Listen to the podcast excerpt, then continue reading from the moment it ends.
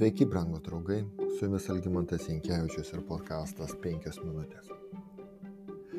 Esteros knyga yra dramatiška istorija apie drąsią jauną moterį, kuri išgelbėjo savo žmonės sunkios krizės metu. Estera buvo izraelitė, dar kitaip vadinama žydė, kuri Dievo apvaizda tapo karalienė.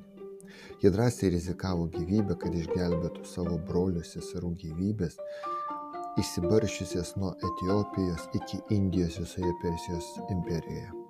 Nors tai vienintelė švento rašto knyga, kurioje neminimas Dievas, mes aiškiai matome jo ranką ir dalyvavimą tose dramatiškose įvykiuose. Ši istorija apima devynerius metus. Trečiaisiais Ahasvero arba kiti vertimai arba šaltiniai sako Artakserkso valdymo metais už nepaklusnumą jis atėmė iš karalienės Vaštės karališką titulą. Po ketverių metų jis pasirinko Esterą ir padarė ją karalienę. Esteros knyga antras skyrius.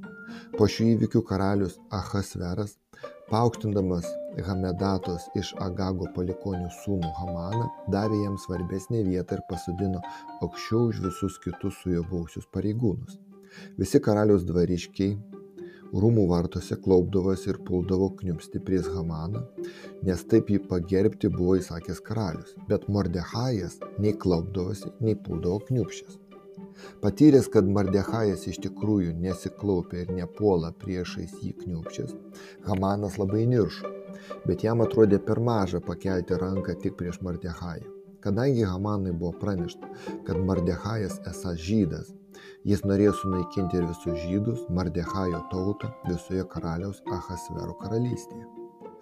Tokį tekstą mes randame Esteros knygoje, trečiame skyriuje nuo pirmos eilutės. Štai keletas detalių, kurias verta atkreipti dėmesį. Mardechajus, nors ir vadinamas žydų, iš tikrųjų buvo benėmėtis iš kišo giminės. Tai yra karalius Saulis buvo vienas iš jo protėvių. Ir Hamanas, hebrajų kalba vadinamas Amanha Agagi buvo tiesioginis Amaleko karaliaus Agago palikuonis, kurį nužudė Samuelis. Tai mes randama pirmoje Samuelio knygoje 15 skyriui. Nenuostabu, kad Hamanas sužinojęs Mordechajaus pilietybę, jeigu taip galima pasakyti, norėjo įvykdyti visos žydų tautos genocidą.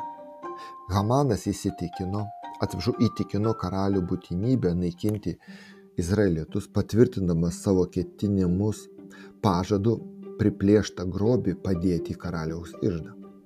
Dieną prieš, pa, prieš Paschą išleidžiamas įsakymas parašytas Hamanu ir užklijuotas karališkojų anspaudu, kuriame nurodoma, kad visi žydai jauni ir seni, moteris ir vaikai turi būti sunaikinti, išžudyti ir išnaikinti per vieną dieną 12 mėnesio, tai yra Adaro 13 dieną, o jų turtai paimti kaip grobis pasmerkti Dievo, sand, pasmerkti dievo sandoro žmonės išgelbėjimą rado įdomioj situacijai. Pas moterį karalienės Esteros asmenyje. Ji maldingai palaikydama visus žydus, rizikuodama atėjo pas karalių prašyti pasigailėjimo. Bet iš karto neatskleidė jiems savo poreikio. Pirmiausia, jį pakvietė e, jį vakarieniauti, bet ne tik jį vieną kartu ir Hamaną o paskui vėl juos pakvietė, intriguodama dabar jau abudu. Tuo metu Hamanas apsidžiaugęs, kad pati karalienė jį pakvietė vakarieniauti, nuėjo namo, tačiau pakeliui sutikęs Mordechajų, kuris niekaip jo nepagerbė, buvo labai supykęs. Ta pati vakarą jis nusprendė, nusprendė žmonos patartas paprašyti karaliaus kitą dieną pakabinti Mordechajų pačiame ryte kartuvėse, nelaukiant nustatytus žydų naikinimo dienos. Ta naktį karalius negalėdamas užmėgti, tai vyko paraleliai su to, kas įvyko su Hamanu ir Mordechajumi, paprašė atnešti atsimintinų įvykių metraščių knygą. Ji buvo skaitoma karaliui. Skaitant rastas įrašas, kad Mordechajas buvo pranešęs apie du karalius eunuchus, rengusius sąmokslą nužudyti karalių Ahasverą. Ir kai paaiškėjo, kad Mordechajui jokių jokių būdų nebuvo atsilyginta, karalius paklausė atėjusio ant rytojos Hamano, kaip pagerbti tą, kuriam karalius nori padėkoti. Hamanas, manydamas, kad kalba eina apie jį, išsakė labai nekuklius, jeigu taip galima pasakyti, norus. Žmogui, kurį karalius nori pagerbti, turėtų būti atneštas karališkas apdaras, kurį yra vilkėjęs karalius ir atvestas žirgas, ant kurio karalius yra jojęs. Apdaras ir žirgas turėtų būti pavesti vienam kilmiausiųjų karaliaus pareigūnų. Te aprengė į žmogų, kurį karalius nori ypatingai pagerbti ir užsodinęs ant žirgo, te veda tą žmogų per miesto aikštę, o jie priekiai eidamas tegu skelbė, taip daroma žmogui, kurį karalius nori ypatingai pagerbti. Tada karalius pasakė, eik ir padaryk tai Mordehajų ir žiūrėk, nieko nepraleisk. Kita diena buvo sunkus išbandymas Hamanui ir tapo ta diena paskutinė jo gyvenimo diena. Ryte jis vedė žirgą, ant kurio a, sėdėjo Mordehajus, o vakare jau drebėjo prieš karalių, kuris sužinojo apie tikrosius Hamano ketinimus. Žingsnis po žingsnio mes matome, kaip Hamanas ėjo iki savo žlugimo galo o Mardechajus tuo laiku po truputėlį buvo išaukštintas.